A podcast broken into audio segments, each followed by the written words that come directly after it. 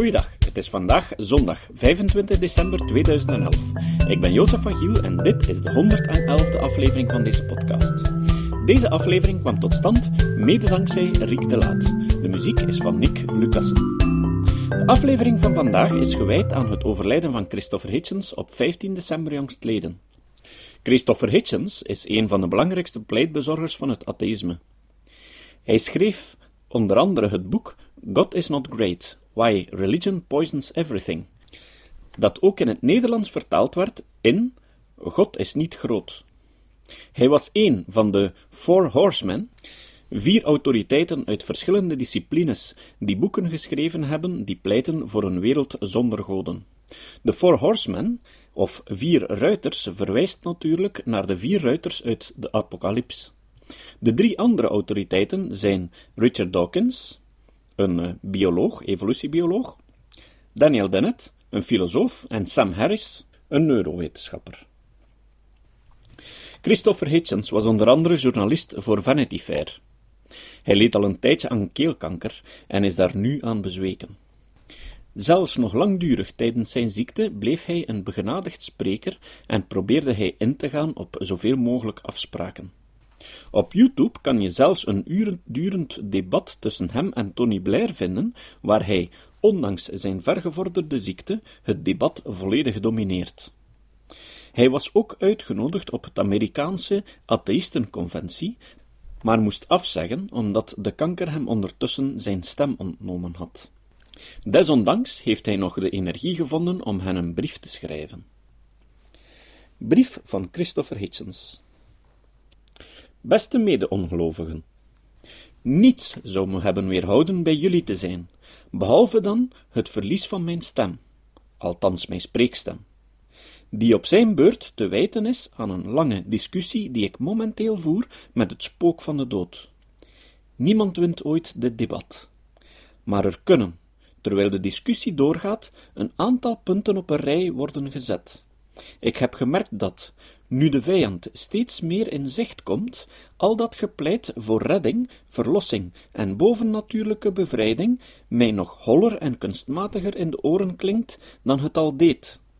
Ik hoop deze lessen nog vele jaren te mogen helpen verdedigen en doorgeven, maar voor het moment heb ik gevonden dat ik mijn vertrouwen beter kan plaatsen in twee zaken de expertise en principes van de geavanceerde medische wetenschap en de kameraadschap van talloze vrienden en familie, allemaal immuun voor de valse troost van de religie.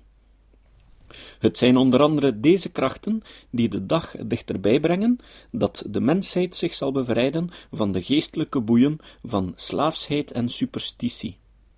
Het is onze aangeboren solidariteit, en niet een despotisme van de hemel, die de bron is van onze moraal en ons gevoel voor fatsoen. Dat essentiële gevoel voor fatsoen wordt elke dag weer geweld aangedaan. Onze theocratische vijand staat voor ons. Chameleolontisch strekt hij zich uit van de openlijke dreiging van nucleair bewapende moelas tot de verraderlijke campagnes voor het onderwijzen van geestesdodende pseudowetenschap op Amerikaanse scholen. Maar in de voorbije jaren duiken er bemoedigende tekenen op van een echte en spontane weerstand tegen deze sinistere onzin. Een weerstand die het recht van bullebakken en tirannen op de absurde bewering dat zij God aan hun zijde hebben, verwerpt. Mijn kleine aandeel in dit verzet is de grootste eer van mijn leven. Het patroon en de blauwdruk van alle dictatuur is de overgave van de reden aan het absolutisme en het afzweren van het kritische objectieve onderzoek. De goedkope naam voor deze dodelijke misvatting is religie, en we moeten nieuwe manieren vinden om ze te bestrijden in de publieke sfeer, net zoals we geleerd hebben om er onszelf van te bevrijden in de privésfeer.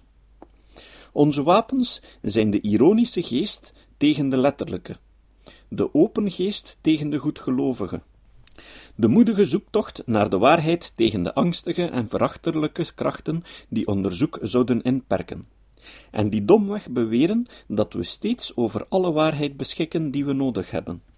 Misschien bevestigen we bovenal het leven, boven de cultussen van dood en mensenoffers, en zijn bang niet van de onvermijdelijke dood, maar eerder van een menselijk leven dat verkrampt en vervalst is door de zielige noodzaak tot hersenloze aanbidding of de triestige overtuiging dat de wetten van de natuur toegeven aan geweeklaag en bezweringen. Als erfgenamen van een seculiere revolutie hebben de Amerikaanse atheïsten een speciale verantwoordelijkheid om op te komen voor de grondwet, die de grenzen tussen kerk en staat vastlegt. Ook dit is een eer en een voorrecht. Geloof me als ik zeg dat ik bij jullie aanwezig ben, zelfs als het niet lichamelijk is en alleen figuurlijk in geest. Neem u voor Mr. Jeffersons scheidingsmuur op te bouwen en laat het geloof vallen.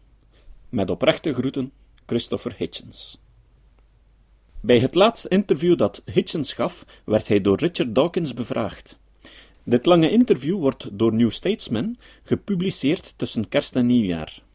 Richard Dawkins was dan waarschijnlijk ook de best geplaatste persoon om bij het overlijden van Hitchens een opiniestuk te schrijven. Dat interview is gepubliceerd in The Independent en net als de brief heeft Rick de Laat het voor ons vertaald. Misschien wel een mooie tekst om op kerstdag voor te lezen. De ene atheïst van wereldformaat die de andere atheïst van wereldformaat interviewt. Kan het nog beter? Hier gaan we. Richard Dawkins. Zijn ziekte maakte Hitchens tot een symbool van de eerlijkheid en de waardigheid van het atheïsme. Op 7 oktober nam ik een lang gesprek op met Christopher Hitchens in Houston, Texas, voor de kersteditie van The New Statesman. Hij zag er broos uit en zijn stem had niet meer de bekende diepe Richard Burton klank. Maar, hoewel zijn lichaam duidelijk had geleden onder de brutaliteit van de kanker, was dat niet het geval met zijn geest en gedrevenheid. Slechts twee maanden voor zijn dood liet hij nog steeds zijn medogenloze licht schijnen op ongemakkelijke waarheden, verwoordde hij nog altijd het onuitsprekelijke. Ik zeg het zo. Als je schrijft over de geschiedenis van de jaren dertig en de opkomst van het totalitarisme, mag je het woord fascist voor Italië, Portugal, Spanje, Tsjechoslowakije en Oostenrijk vervangen door extreem rechtse katholieke partij staat hij nog altijd op de barricades voor menselijke vrijheid en waardigheid. De totalitarist is voor mij de vijand, de absolutist die de controle wil over wat zich in je hoofd afspeelt, die zich niet tevreden stelt met alleen maar baas te zijn over je handelen en je belastingen. En dat heeft uiteraard zijn oorsprong in het theocratische. Het komt voort uit het idee dat er een opperste leider, onfeilbare paus, opperrabijn of wat dan ook is, die de spreekbuis is van het goddelijke en ons vertelt wat we moeten doen en laten. En nog steeds moedigt hij anderen aan om onbevreesd op te komen voor de waarheid en de rede. Voor je mening durven uitkomen is het minste dat je moet opbrengen. Het is een schande dat je collega's de rangen niet sluiten en zeggen: Luister, we gaan onze collega's verdedigen tegen deze stuitende en verwarring stichtende figuren.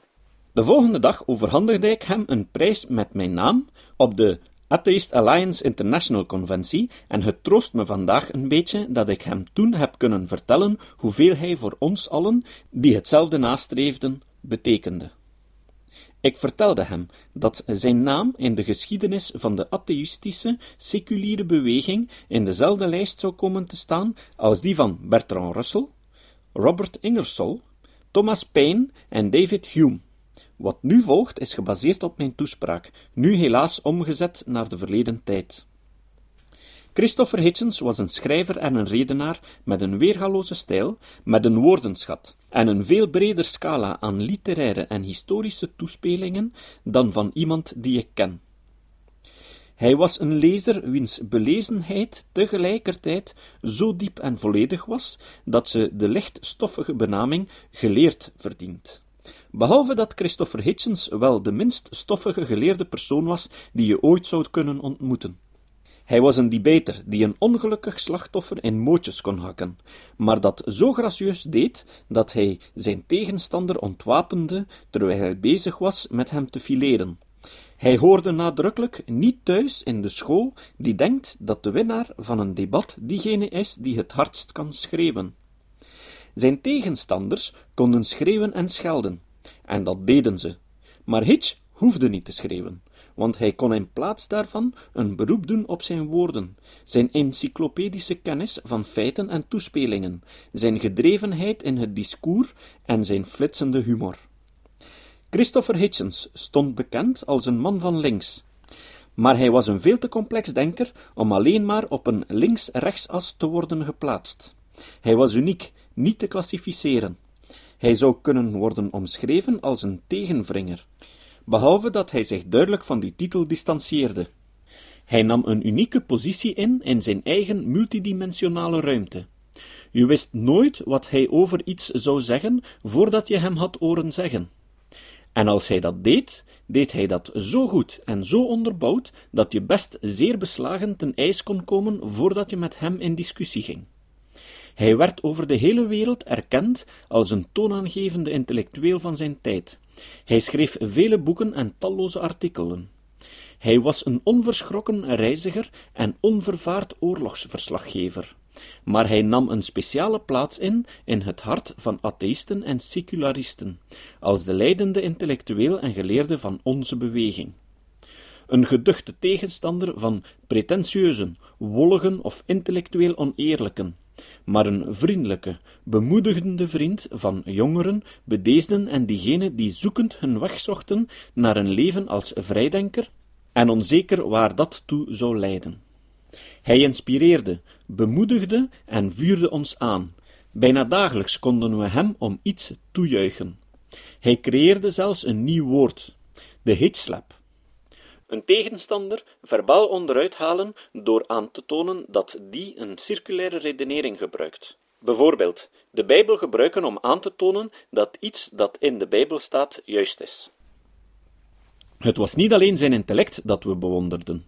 Het was ook zijn strijdlust, zijn gedrevenheid, zijn weigering om onedele compromissen te sluiten, zijn openhartigheid, zijn ontembare geest, zijn brutale eerlijkheid.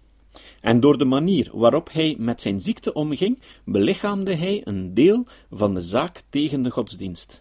Laat het maar aan de religieuzen over om te dreinen en te jengelen aan de voeten van een denkbeeldige godheid in hun angst voor de dood. Laat het aan hen over om hun leven door te brengen in ontkenning van de werkelijkheid.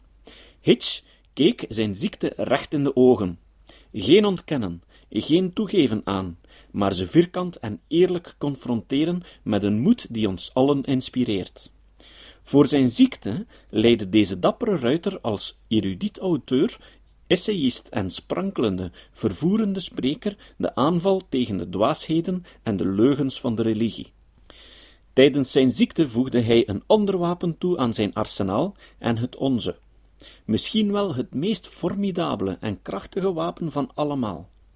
Zijn karakter zelf werd een uitstekend en onmiskenbaar symbool voor de eerlijkheid en de waardigheid van het atheïsme, als mede van de waarde en de waardigheid van de mens, niet vernederd door het infantiele gebazel van de religie. Elke dag van zijn wegebbende leven demonstreerde hij de onwaarheid van die smerigste van de christelijke leugens. Dat je geen atheïsten vindt in loopgraven. Hitch zat in de loopgraven, en hij deed dat met een moed, een eerlijkheid en een waardigheid waarop ieder van ons trots zou zijn en zou moeten zijn, dat te kunnen opbrengen. Daardoor verdient hij nog meer onze bewondering, respect en liefde. Vaarwel, grote stem grote stem van de rede, de menselijkheid en de humor. Grote stem tegen de kwezelarij, de hypocrisie, het obscurantisme en de pretentie, tegen alle tirannen. God niet uitgezonderd. Getekend Richard Dawkins.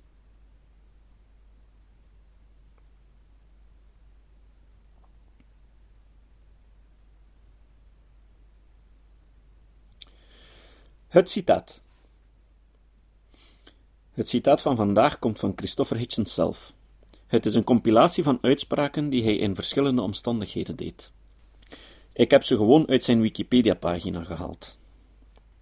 Hitchens zei: Religie is misdadig, omdat ze dood, zoals in Belfast, Beirut, Mumbai, Belgrado, Bethlehem en Bagdad een archaïs en totalitair wereldbeeld propageert. irrationeel is en mensen compleet gekke zaken verbiedt, zoals het eten van varkensvlees. Condooms en polio-inentingen verbiedt en zo tienduizenden doden per jaar maakt. Tot kindermishandeling leidt. Leugens vertelt over de menselijke afkomst en plaats op aarde. Tot vrouwendiscriminatie en verminking leidt. Onze seksuele vrijheid vernuikt. Precies het tegengestelde voortbrengt van wat ze zelf belooft. Verdriet, angst en onderwerping in plaats van geluk, openheid en zelfstandigheid. Tot de volgende keer. Dit was de podcast Kritisch Denken. Vergeet niet om alles kritisch te behandelen, ook deze podcast. Voor verdere informatie over deze podcast, links en voor de tekst, surf naar www.kritischdenken.info.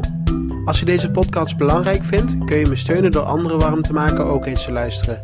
Stuur een e-mail naar vrienden met een link naar de website en plaats de link in de handtekening van je e-mails. Tevens kun je op iTunes deze podcast een beoordeling geven of een recensie schrijven. Of je kan op je eigen website of blog een link naar kritisch denken plaatsen.